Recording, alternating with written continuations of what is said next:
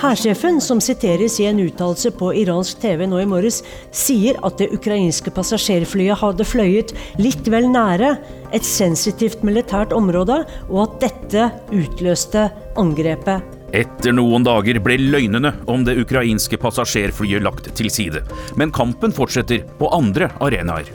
To stop a foreign minister coming to the Security Council is quite a symbolic insult. En nombre de Venezuela, juro cumplir con los deberes En mann står og hyler edsavleggelsen i mørket i Venezuelas navn. Men eh, er det lyspunkter? Og heller ikke Urix på lørdag kommer utenom. Vi tar tempen på britenes oppsiktsvekkende Megxit. God formiddag, jeg heter Anders Tvegård. Ukas korrespondentbrev er filoverført fra Berlin, og Urix krig og fred minner oss om hvem som sørget for at Iran fikk et atomprogram. Men vi starter i nåtida. We have intelligence. Somebody could have made a mistake on the other side. The evidence indicates that the plane was shot down by an Iranian surface to air missile. It was flying in a pretty rough neighborhood. This may well have been unintentional. Iran har vært under sterkt press siden det ukrainske passasjerflyet med 176 mennesker om bord gikk i bakken kort tid etter avgang. I en uttalelse fra Ayatollah Khameneis kontor heter det at Irans øverste leder ble kjent i går med at flyet hadde blitt skutt ned. Han ga ordre om at sannheten måtte ut, og det skjedde i dag. Sissel Wold, NRKs utsendte som dekker Iran. Flyet hadde fløyet litt vel nære et sensitivt militært område, har hæren sagt. Hva mer fra Teheran? Vi må huske på at dette skjedde jo den natten da Iran skulle svare på USAs likvidasjon av general Soleimani, og spenningen var på topp.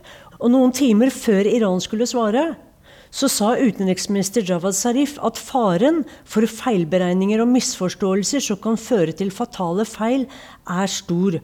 Og Irans utenriksminister skulle altså få rett. I dag tvitret han dette er en trist dag.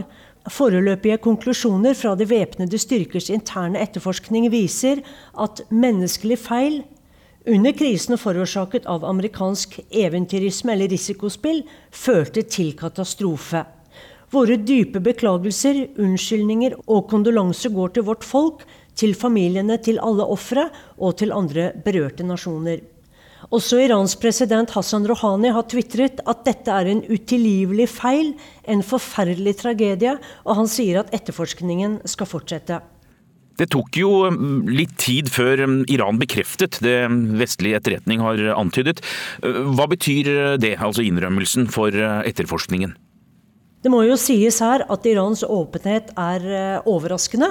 Bare i går nektet de for at iranske raketter hadde noe med dette flyhavariet å gjøre.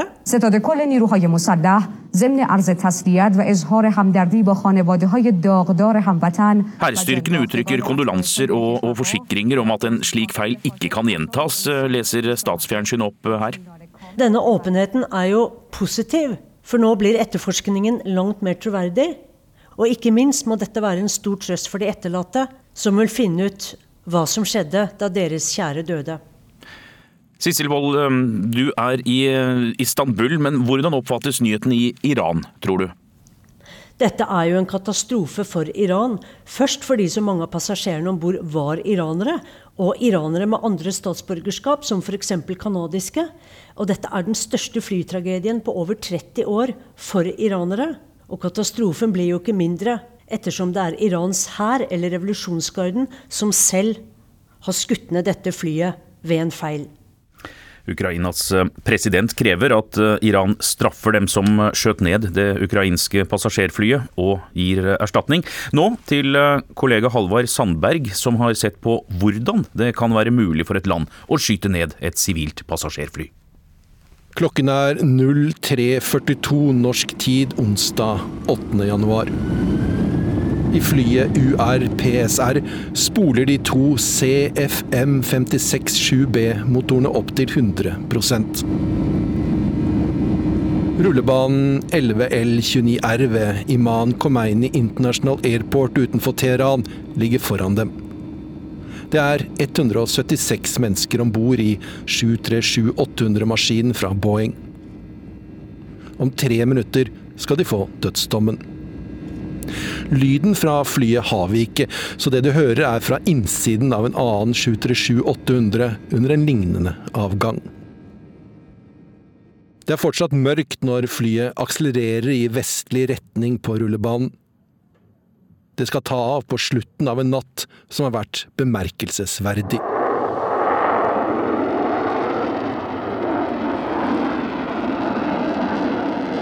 Fire og en halv time tidligere ble de første iranske ballistiske missilene avfyrt mot Irak.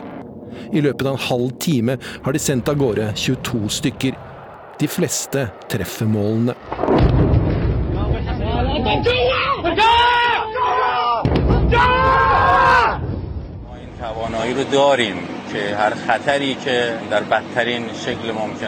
کشور ما رو På bakken under det ukrainske passasjerflyet er det utplassert luftforsvarsstyrker. Vi kan ikke se inn i hodene til menneskene som har ansvaret for radarer, raketter og kontrollstasjoner, men vi kan gjøre noen antagelser.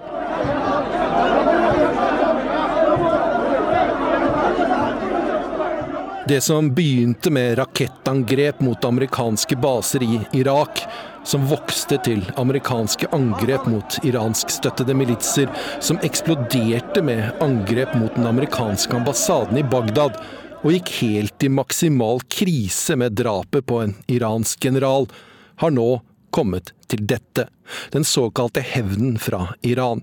En hevn som den amerikanske presidenten meget klart har sagt vil føre til et stort amerikansk svar. Tonight, President Trump is practically daring the Iranians to retaliate, informing Congress by tweet should Iran strike any U.S. person or target, the United States will quickly and fully strike back. And perhaps Soldatene i de iranske luftforsvarsstyrkene, folkene som ser timene går i nattemørket under flyet som nettopp har tatt av, tror de vet hvordan et slikt amerikansk svar vil se ut.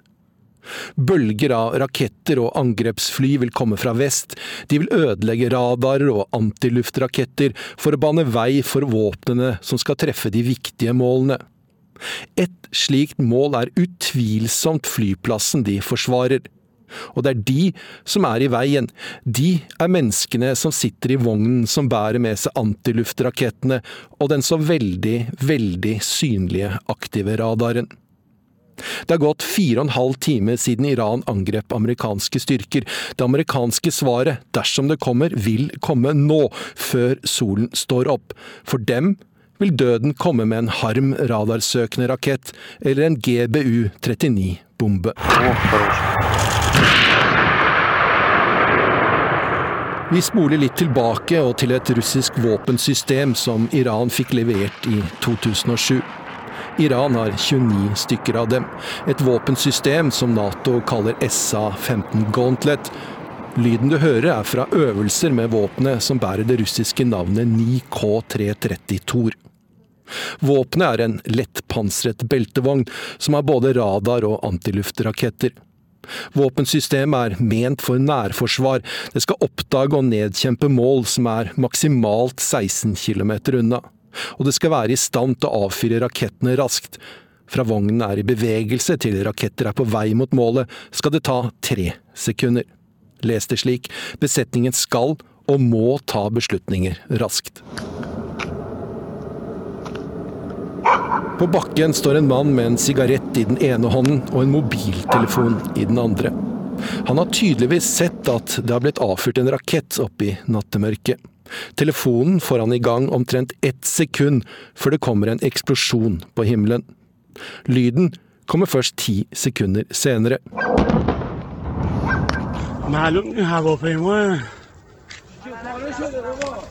En åpen krig uh, mellom USA og Iran uh, derimot ser ut til å være avverget, men fornærmelsene mellom de to erkefiendene fortsetter. Urix på lørdag gir seg ikke helt med det politiske utfallet, konsekvensene. Irans utenriksminister hadde nemlig planer om å være i FNs sikkerhetsråd, men USA rakk ikke å behandle visumsøknaden hans. Et uh, diplomatisk slag i trynet, sier FN-sjefen hos tankesmia International Crisis Group. This was a real diplomatic slap in the face to Iran. Uh, the US has been limiting visas for countries it dislikes, like Russia, um, to go to the UN uh, recently. But to stop a foreign minister uh, coming to the Security Council is quite a symbolic insult. Visum kommenterer vi aldri, sa USAs utenriksminister Mike Pompeo da han ble spurt hvorfor hans iranske kollega ikke fikk papirene i orden, slik at han kunne møte i FNs sikkerhetsråd for et par dager siden. Jawad Zarif hadde lagt inn søknaden før jul i fjor, men det var ikke nok tid. En uformell avvisning fikk han derimot ikke, fordi det kunne ha kommet i konflikt med vertslandsavtalen mellom USA og FN-hovedkvarteret. FNs generalsekretær har gjentatte ganger sagt uh, og talsmannen hans legger til at vertslandet ikke bør være en aktør. Richard Gowan har fulgt FNs sikkerhetsråd fra sidelinja i flere roller, nå som en del av tenketanken International Crisis Group. Han er ikke i tvil om hva som skjer.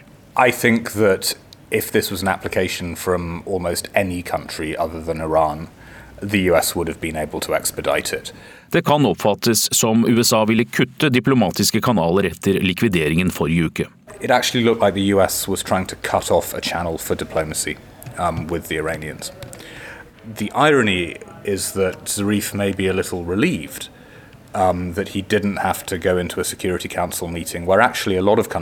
Men eh, det er ikke utenkelig, sier Gowan, at Irans utenriksminister i bunn og grunn synes utfallet var greit, slik at han slapp å få kjeft. But nonetheless, the symbolism does look bad for the US. FNs sikkerhetsråd har ikke tatt i konflikten mellom USA og Iran, som var nær ved å sende Midtøsten ut i åpen krig.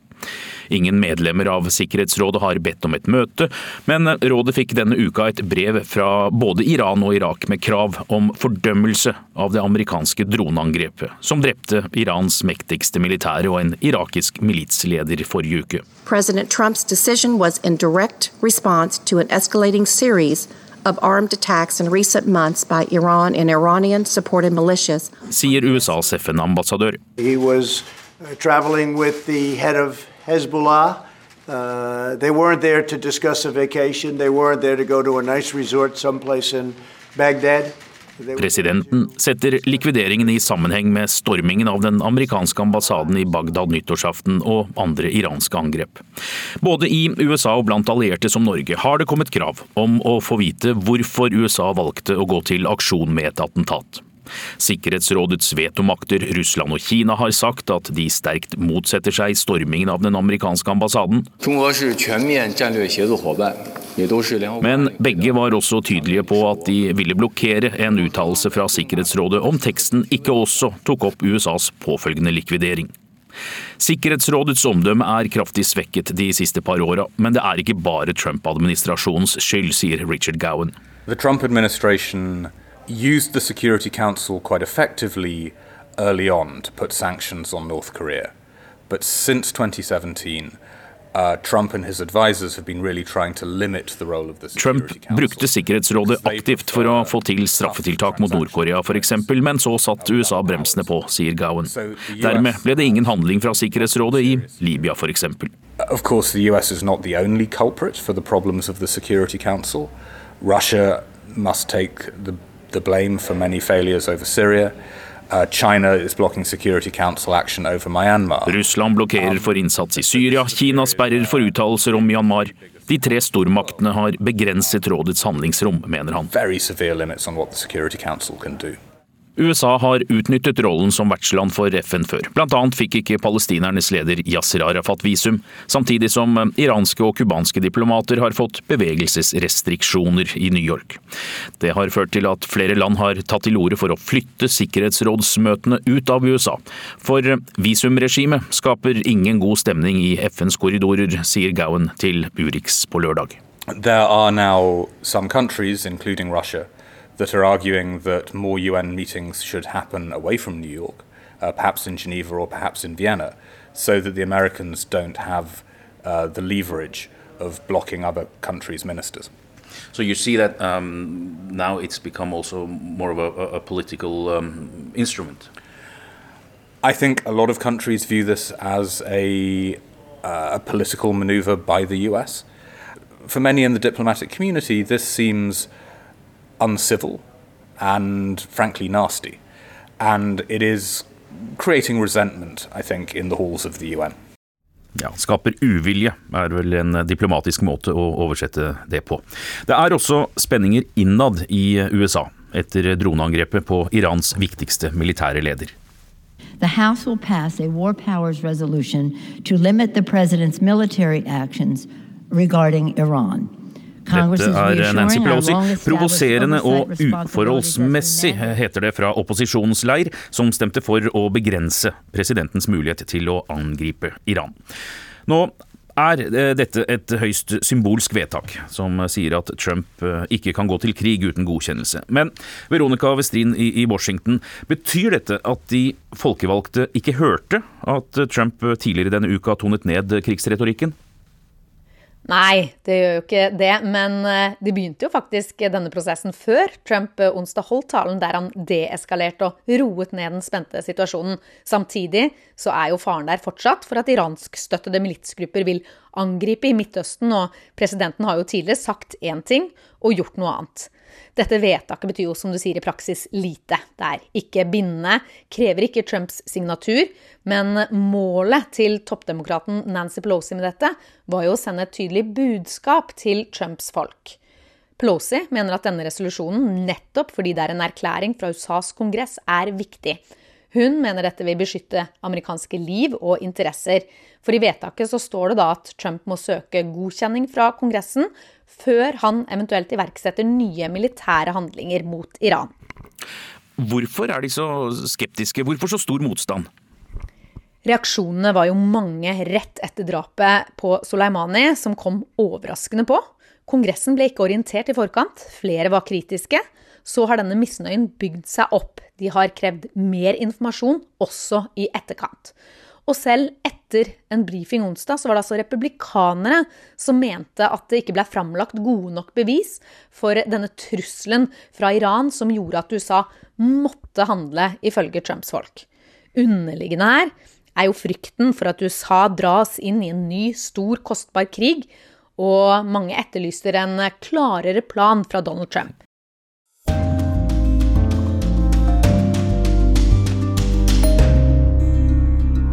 En nombre de Venezuela, juro cumplir con los deberes de presidente encargado y buscar... I Venezuelas navn, sier mannen med lyseblått slips som har løftet høyre hånd.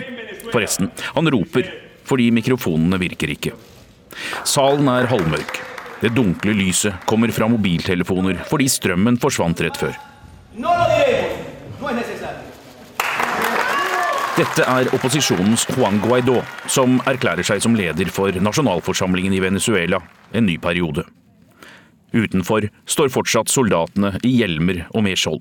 De har i flere dager forsøkt å hindre Guaidó å ta seg inn i bygget.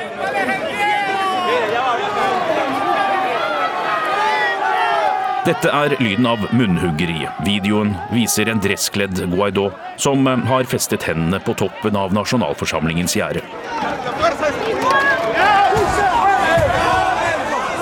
Kom seg til slutt forbi soldatene og inn i det som mange ser på som Venezuelas siste demokratiske institusjon. I alle dager, tenkte jeg da jeg så de dramatiske bildene fra Caracas. Hva tenkte du, Benedicte Bull? Nei, jeg må si jeg var ganske overrasket da på søndag, da den første blokaden av eh, Juan Guaidó og en del andre parlamentsmedlemmer og journalister da de ble blokkert av militæret. Det har vært tydelig ganske lenge at det har vært viktig for Maduro-regjeringen å kontrollere dette valget. Men at de skulle gå så langt og helt ubeskjemmet sende militæret for å blokkere parlamentet, det ble jeg overrasket over. Bull, du er jo professor ved Senter for utvikling og miljø, Universitetet i Oslo. Venezuela har du fulgt med på lenge. Hvordan forklarer du det som har skjedd denne uka? Hvordan havnet de i denne situasjonen? Det har nok med økonomien å gjøre. fordi Venezuela har mistet over halvparten av sitt bruttonasjonalprodukt siden Maduro kom til makten. Eh, de har hatt eh, hyperinflasjon, og det er en langvarig økonomisk krise. Nå går vi mot et år med valg på eh, parlament, som skal være i løpet av 2020. Det er veldig viktig for Maduro å forbedre økonomien, sånn at folk føler at eh, det går litt bedre, og, og kunne vinne dette valget. Altså få støtte i parlamentet. Og For å klare det, så trenger han både å få ned inflasjonen, der har det skjedd ganske mye det siste året, men han trenger også nye investeringer. De to landene som har, har jobbet med lån og investeringer, har vært Kina og Russland. Kina er blitt mer og mer skeptisk i det siste pga. kaos og vanstyre.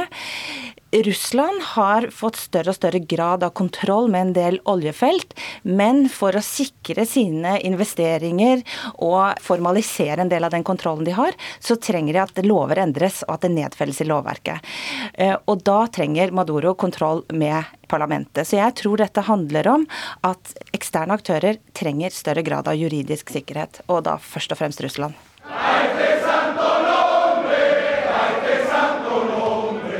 Det vi hører her, det er de folkevalgte som synger nasjonalsangen i, i halvmørket når Guaidó blir eh, tatt i ed. Hva slags makt har uh, dette uh, parlamentet? For det virker jo da som om det er to-tre andre også. Eller iallfall et par andre institusjoner også.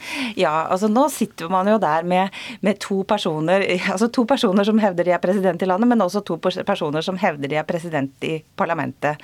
Juan Guaidó og Luis Parra. Og hvordan dette kommer til å utvikle seg, det vet vi jo egentlig lite om. men Parlamentet har jo hatt egentlig veldig liten makt de siste årene, fordi at eh, det er overtatt av denne grunnlovsgivende forsamlingen. Men det har jo fungert som basen for opposisjonens kampanjer, altså deres mulighet til å organisere seg. Og, så, så det har vært mer på en måte en plattform for opposisjonen. Norge gikk jo inn som eh, mekler. Eh, tilrettela samtaler mellom opposisjonsleder Guaidó 36 år, president Maduro 57 år.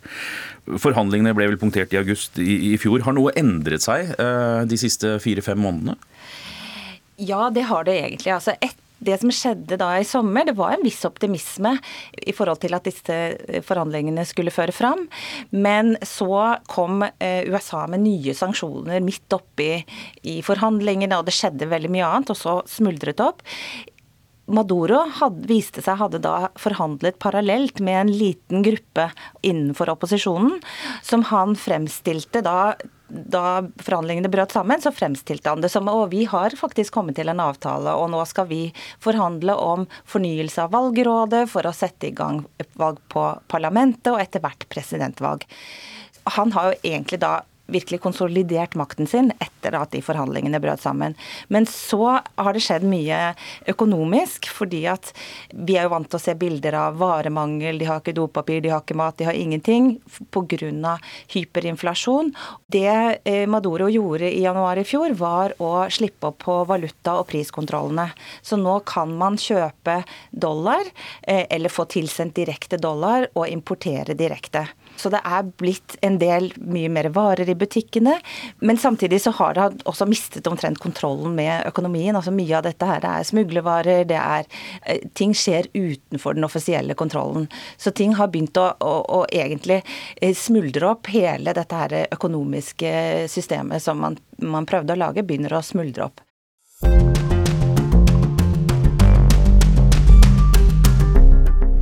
Prins Harry og Meghan Markle sendte sjokkbølger gjennom det britiske kongehuset, og opprørte millioner av tilhengere med sine planer om å si opp jobben som kongelige og flytte til Canada. Vår London-korrespondent Øyvind Nyborg har tatt tempen på det britiske kongehuset. I'm a great royalist. I love the Queen. Jeg er royalist på min hals og elsker dronningen og hertugen av Edinburgh sier Carol Margaret Jones Porslins. Pensjonisten med gamlerosa jakke, hvitt hår og et vennlig smil har som vanlig vært innom aviskiosken og kjøpt Daily Mail på sin morgentur med hunden sin. Tabloidavisen har side opp og side ned om Harry og Meghan. Harry and um, Meghan. Well, she's, she's not She's an actress. She's not used to royalty. Jeg er veldig skuffet over Harry og Meghan. Hun er skuespillerinne og ikke vant med kongelige. Hadde han giftet seg med en som hadde plenty med penger, så hadde hun vært født til det. Men hun var aldri født til å bli kongelig, sier Porslins.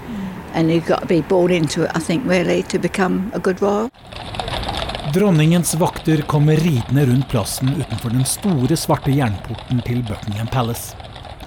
Der står John Lowery med både dress og lue i Union Jacks mønster for anledningen. Jeg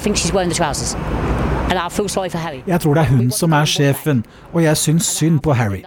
Vi vil ha gullgutten vår tilbake. Dette kan ende med både tårer og skilsmisse, sier han. Verken Harry eller Meghan har sett spesielt lykkelig ut på en stund. Et liv som i en gullfiskbolle her i Storbritannia er ikke enkelt for henne. Samtidig er prinsen veldig følsom for alt som kan minne ham om den skjebnen som møtte hans mor, med et konstant press fra pressen. Det er nok sant at hun er blitt mobbet som den første ikke-hvite kongelige, men saken viser også at de lever i en helt annen verden enn resten av befolkningen i England, som sliter med både fattigdom og kuttpolitikk, sier James Blythe, som vi møter på vei til jobb i morgenrushet. Harry og Meghan bød folket på et eventyrbryllup. Men etter hvert så surnet det. Folk ble snytt for både fødsel og barnedåp. Paret havnet på kanten med William og Kate i Kensington Palace, og flyttet til Windsor, der de fikk pusset opp Frogmore House for en stor sum penger. På et marked i Londons tjukkeste østkant er meningene delte om parets planer om å flytte til Canada.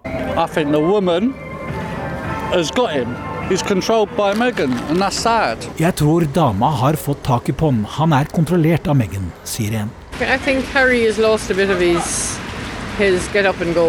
Han har hatt en tøff tid med mange vonde minner pga. moren sin, og kanskje er det derfor han vil beskytte familien sin, sier en annen.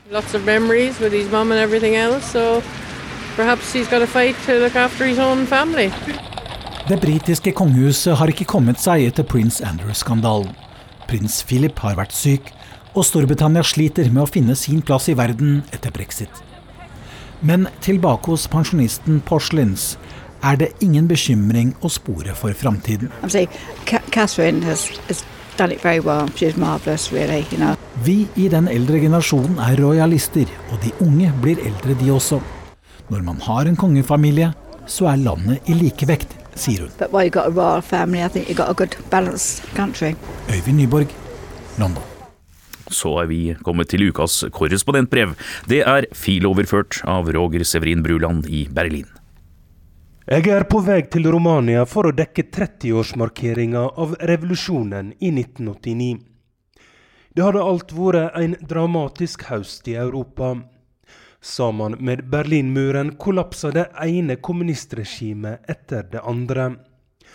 Avviklinga av jernteppet og den kalde krigen skjedde på fredelig vis, bortsett fra i Romania. Der måtte over 1000 mennesker bøte med livet. Første juledag 1989 ble det hata diktatorparet Nicolai og Elena Ceaucescu avretta ved en militærleir i byen Targoviste. Rettssaka varte i knappe to timer, før dramaet enda ved en murvegg utenfor. Fjernsynsbilder gikk verden rundt. I seinere tid har vi kanskje blitt mer vante til å se døde presidenter på TV, som Saddam Hussein og Muammar Gaddafi. Men det forvridde andletet til en død Ceaucescu satte en støkk i mange i 1989. Siden har rumenerne krangla om det egentlig var en revolusjon eller et statskupp. Vi snakker om et regime der det hemmelige politiet, Securitate, hadde kontroll med alt og alle. Og når jeg spør vanlige folk i gata, er de ikke i tvil. Det var Securitate som organiserte denne såkalla revolusjonen. De spredde falske nyheter på fjernsyn og radio. De sa at drikkevannet var forgifta, at terrorister i fallskjerm dala ned fra himmelen. Så fikk de soldater til å skyte på hverandre. Fra taka skjøt snikskyttere ned tilfeldige sivile. Alt dette for å skape kaos og panikk. Jeg forstår raskt at temaet trenger mer plass enn noen minutter i Dagsrevyen, for her er det flere spørsmål enn svar. I en park i Bucarest møter jeg han som skrev tiltalen mot Ceaucescu. Dan Voinia avfeier alle konspirasjonsteorier. Revolusjonen kom fra folket. De mangla mat, strøm og medisiner. De ville ut og reise og leve fritt i sitt eget land. Han vedgår at rettssaka var ei farse. Men de hadde dårlig tid. Unge demonstranter ble plaffa ned i gatene. Ceaucescu var som et farlig dyr i bur, forteller Vojnia. Han kunne ikke slippe fri igjen. Da ville støttespillerne hans få blod på tann, og Valden ville eskalere. Det var den 21. desember alt rakna for Ceaucescu. Han skulle tale for å roe ned folket, men ble møtt med sinte tilrop. Hæren som tidligere hadde vært med på å slå ned opprøret i byen til Mishuara, skifta side, og de støtta nå demonstrantene. Da Ceaucescu satt på tiltalebenken i Targoviste, var det duka for asymmetrisk krigføring mellom en klumsete hær og et hemmelig politi som var eksperter i geriljakrig og propaganda. Jeg møter kunstneren John Gitlan i atelieret sitt i en fasjonabel del av Bucarest. Vi skal egentlig snakke om sønnen hans som ble drepen under en demonstrasjon i 1989. Men det viser seg at Gitlan sjøl hadde en nøkkelrolle under revolusjonen. Han var nemlig en av de første som storma inn hovedkvarteret til kommunistpartiet etter at Ceaucescu flykta fra taket i helikopter den 22. desember. I trappa fant han en kalasjnikov som han brukte til å arrestere bl.a. sjefen for Securitate, Julian Vlad. Han ble lenka fast til en radiator. I to timer satt han i stolen til Ceaucescu og svarte på innkommende telefoner. En av de som ringte, var landets neste president, John Iliescu. Han skulle bare sjekke om kysten var klar. Straks Iliescu var på plass, ble sekuritatesjefen sluppet fri, og revolusjonsheltene sendte på dør. Jeg spør Gitlan om hvor han har lært å håndtere en kalasjnikov. Det var vel ikke allemannseie i et kommunistdiktatur? Da kommer det fram at han har ei fortid i militær etterretning. Vi spana på offiserene som ferierte ved Svartehavet, og så rapporterte vi alle som fraterniserte med skandinaviske kvinner. De kunne jo være utenlandske spioner. Jeg begynner lure på hva det er jeg egentlig blir fortalt. Var han både revolusjonshelt og på jobb for rumensk militær etterretning samtidig? Jeg møter forfatteren Ana Blandiana på kontoret hennes.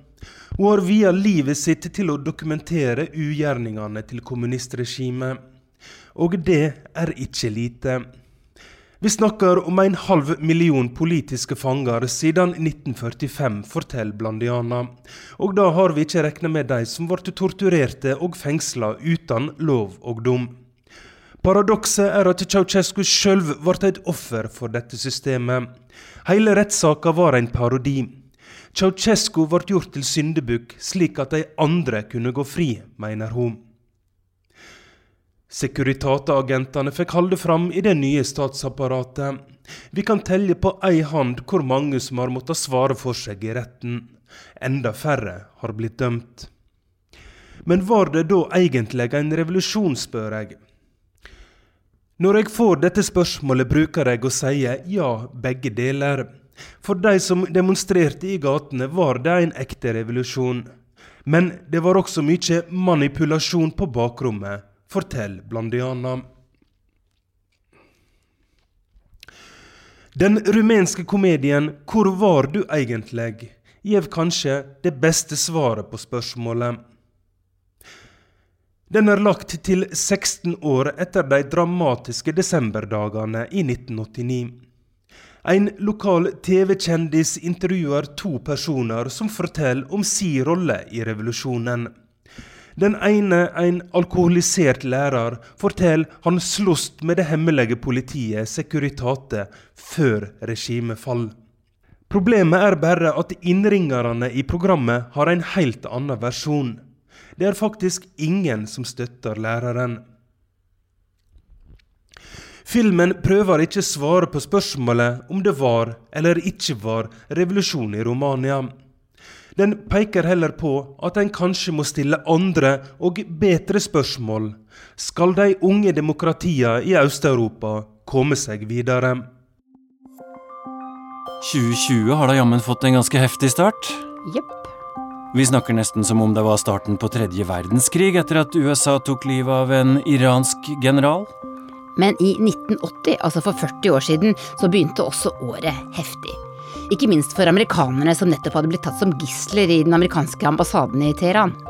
Så hva slags gammelt traume er det USA har i forhold til Iran, egentlig? Hvilken knapp er det Donald Trump har trykka på nå? Du hører på Krig og fred med Tore Moland og Tove Bjørgaas.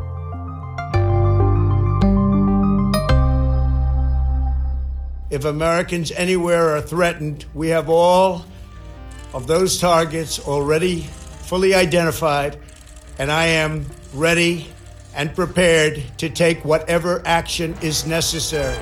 Good evening. The U.S. Embassy in Tehran has been invaded and occupied by Iranian students. And that in particular refers to Iran. Det var jo en ekstremt dramatisk situasjon, særlig de aller første dagene, da ambassaden jo ble storma. Eh, man hadde en kjempejobb med å prøve å ødelegge dokumenter som de hadde liggende. Amerikanske eh, visa-utsendelsessystemer som de ikke ville overlate til eh, iranerne. Og, å forsøke å ivareta sin egen sikkerhet. Og det var et brutalt oppgjør, rett og slett. Disse iranerne var sinte. Det var unge studenter som hadde våpen.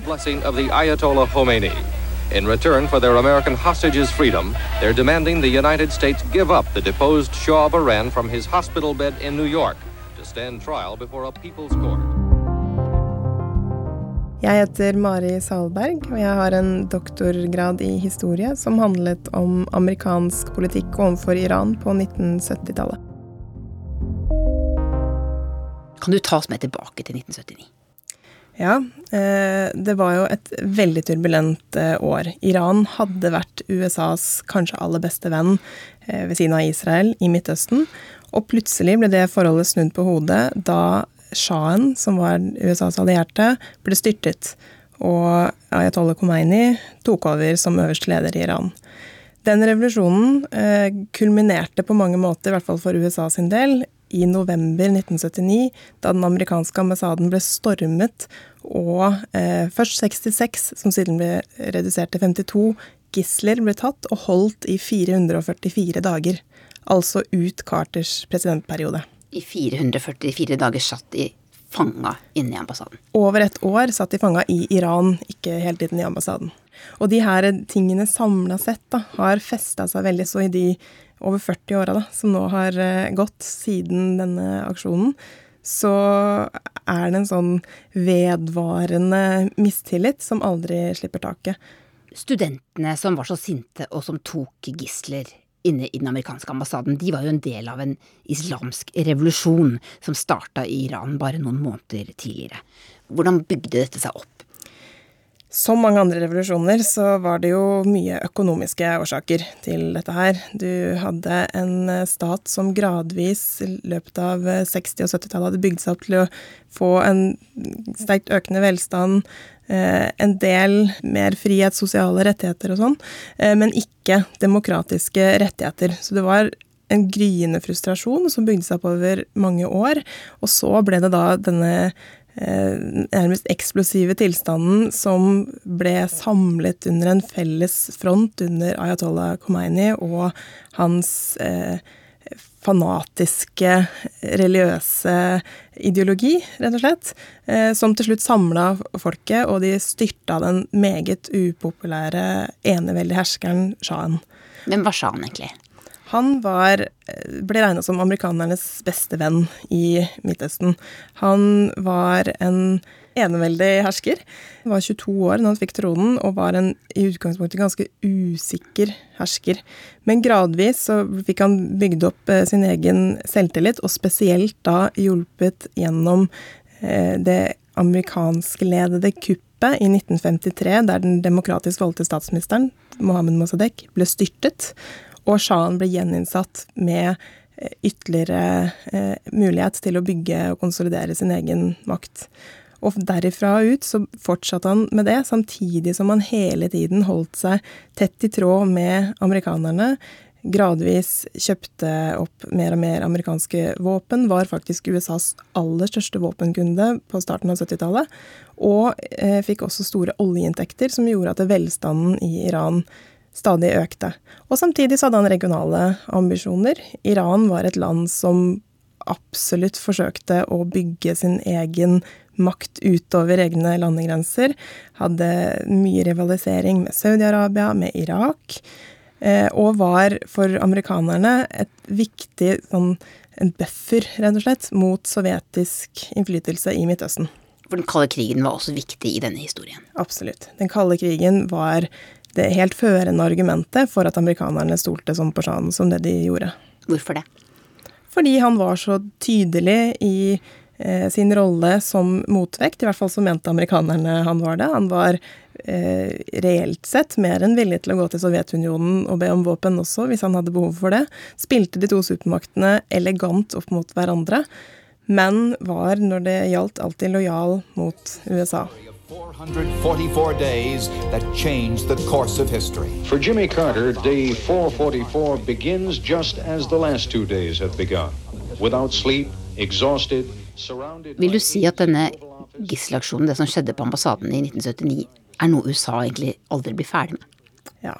Det er i hvert fall mange i USA som aldri blir ferdig med det. Det er blitt nærmest et uh, nasjonalt uh, traume. Det var en ydmykelse, rett og slett. Det var jo et uh, brudd på folkerettslige prinsipper internasjonalt, dette her. Det var helt utenkelig for en supermakt som USA at de skulle kunne bli ydmyka på den måten, ikke greie å frigjøre sine egne borgere fra en sånn forferdelig situasjon. President Donald Trump har tvitra at USA har 52 iranske mål de skal angripe dersom Iran slår tilbake for å hevne droneangrepet som drepte general Qassam Soleimani. 52 mål. Ett for hver av amerikanerne som tilbrakte 1980 som gisler i ambassaden i Teheran. John Limbert var fersk ambassadesekretær den gangen. Den nå pensjonerte diplomaten sier til MSNBC at han slett ikke ønsker å bli hedra av presidenten sin på denne måten. I, for one, uh, want no part of uh, the president's posturing. Ja, President Donald Trump sier at han vil angrepe 52 mål i Iran. Men uh, Hassan Rouhani, presidenten i Iran, han uh, tvitret her om dagen at uh, de som bruker ordet 52, bør også huske nummeret 290. Fordi at det er antall mennesker, passasjerer, som ble drept da et amerikansk krigsskip skjøt ned et iransk passasjerfly over Hormuzstredet i Persiabukta i 1988. De fleste av dem var iranere. Ja, Så er, alle har sitt på samvittigheten her, kan man si? Alle har sitt. Jeg heter Sissel Wold. Jeg er korrespondent for NRK. Jeg har base i Istanbul, og et av landene jeg dekker, er Iran. Et land jeg har vært i syv ganger tidligere. Det er jo så viktig å komme dit, og det er utrolig surt å sitte i Istanbul og rapportere og ikke kunne komme dit, så nå må vi bare kjøre på for å få visum. Ja.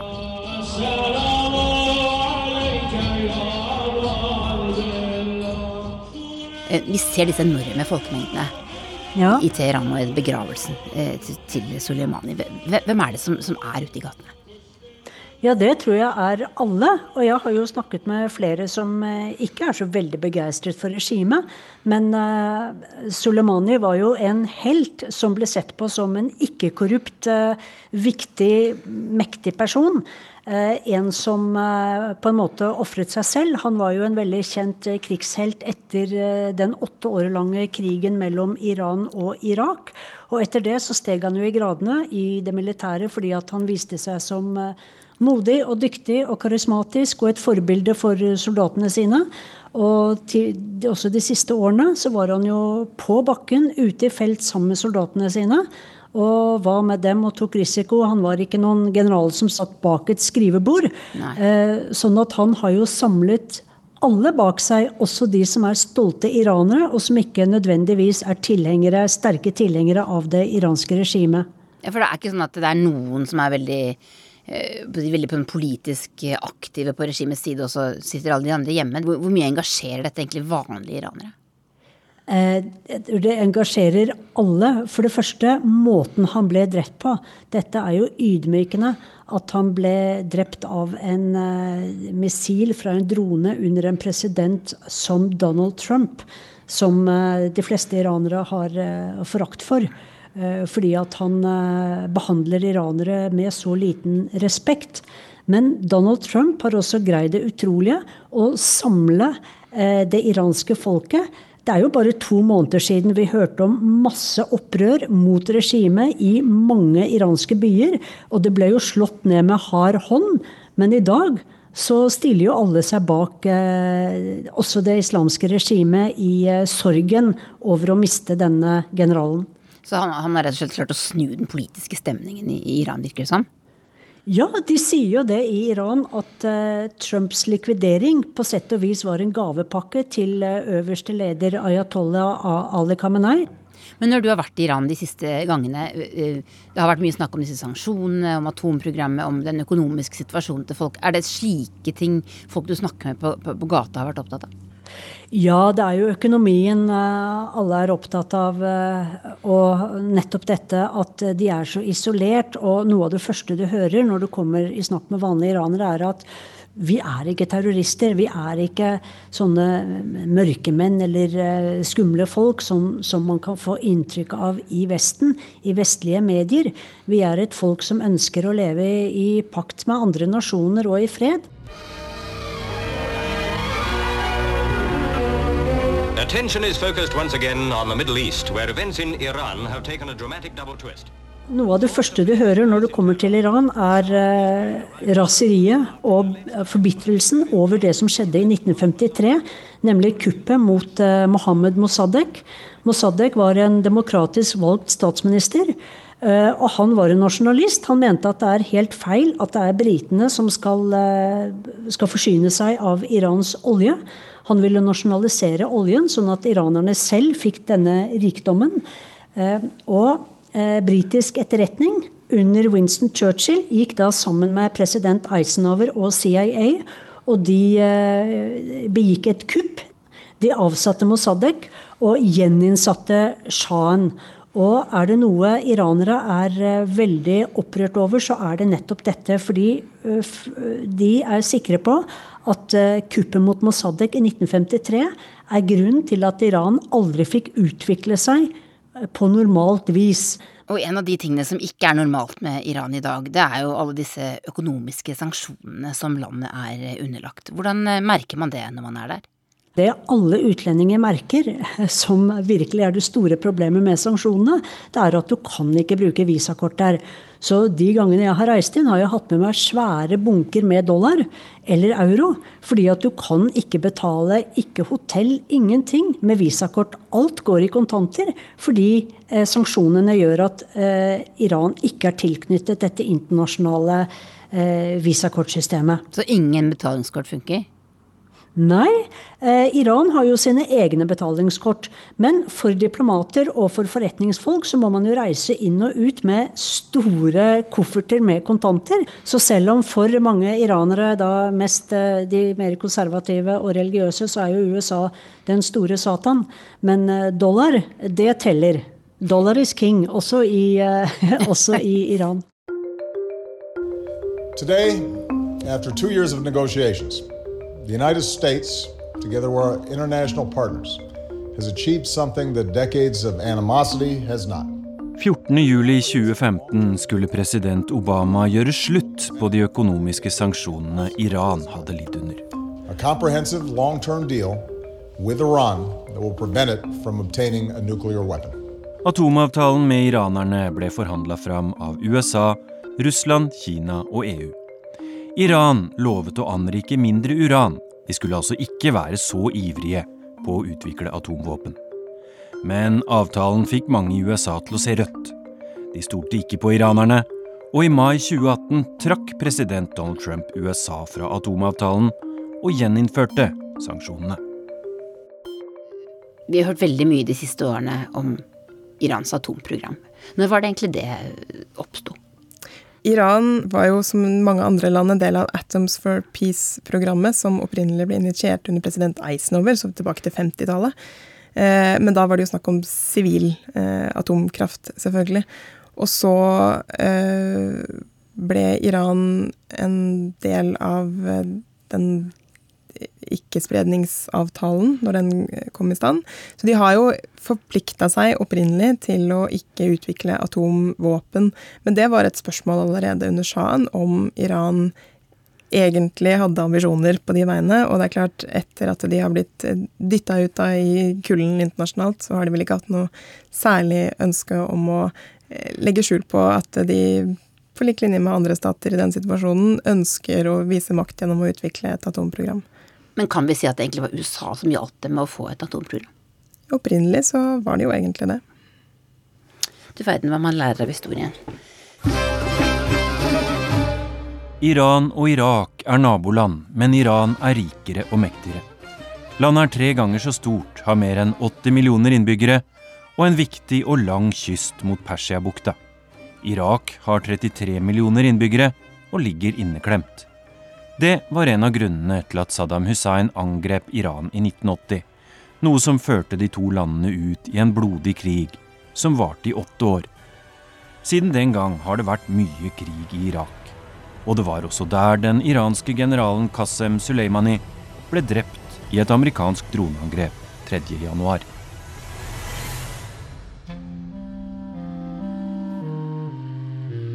Ting kan jo skje type overalt nå, eh, ikke bare i, eh, i, Irak. Det kan jo skje her i Beirut, hvor jeg sitter også, for den saks skyld. Jeg heter Kristin Solberg, og jeg er Midtøsten-korrespondent i NRK. Du reiser jo mye rundt i Syria, du bor altså i Libanon, du har vært mye i Irak. Eh, vil du si at du stadig støter på eh, Iran? Ja, absolutt. I en eller annen form. Når Iran gjør noe, så merker man konsekvensene eh, både her og i, i, Irak. Du har en del av befolkningen som er ganske pro eh. Eh, det går delvis på sekteriske skillelinjer, eh, men ikke nødvendigvis.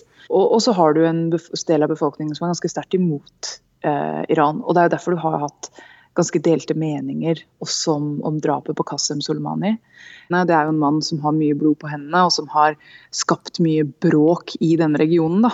Hvordan har han gjort det? Nei, altså Han har jo da egentlig vært litt i skytteltrafikk mellom disse områdene eh, i mange år nå og har bygget opp eh, militser som, har, eh, som, som, som, Iran da har trent opp, og som svarer stort sett til eh, Iran. Som ofte er eh, rekruttert lokalt, men de kan også være rekruttert andre steder. Sånn som i Syriakrigen så var det jo masse afghanske flyktninger i Iran f.eks. som ble sendt over til eh, eh, Syria for å, for å krige for Assad. Um, slik at han har jo da et, et, nettverk av militser som han har rundt omkring i, i regionen her. Og de, de, lever jo videre etter at han er, eh, er borte. Og én ting som han har gjort, det er jo at han har utnyttet situasjonen i regionen til å skape en slags akse av innflytelse eh, som går fra Iran gjennom Irak og Syria og Libanon ned mot grensen da til, eh, til Israel. Så det går en, direkte, en slags direktelinje fra, fra Iran til, eh, til Israel. Um, forholdene jo, i regionen har jo også ligget til rette for det til en viss grad. Uh, altså, det startet jo med den amerikanske invasjonen av uh, Irak. Og et av paradoksene med den, er jo nettopp at det åpnet jo døren for at Iran kunne øke sin innflytelse der. Vi har hørt mye om atomavtalen, at Iran føler seg presset opp i et hjørne, frosset ut av Jeg har følt det lenge, ut av det gode selskap pga. dette dårlige forholdet til USA. Men hvorfor satser de da så hardt på disse militsene og på en måte på å provosere enda mer i regionen? Altså, det har jo vært deres utenrikspolitiske strategi eh, ganske lenge. Og eh, med Irak, invasjonen av Irak i 2003, så så de jo amerikanerne på dørstokken, rett og slett. Det er jo nabolandet. Eh, så da brukte de denne strategien for å rett og slett eh, stikke kjepper i hjulene for amerikanerne. En fjerdedel av alle amerikanske soldater som ble drept i Irak, ble drept av militser som på et eller annet vis var eh, koblet til eh, iransk støttede militser. Og det er et ganske høyt antall og ganske oppsiktsvekkende. Du har hørt Krig og fred fra NRK Urix. Lydregien var ved Lisbeth Sellereite. Urix på lørdag takker for følget. Teamet som logger ut fra Studio 51, teknisk ansvarlig Finn Lie, produsent Tom Ingebrigtsen og jeg, Anders Tvegård, ønsker god helg.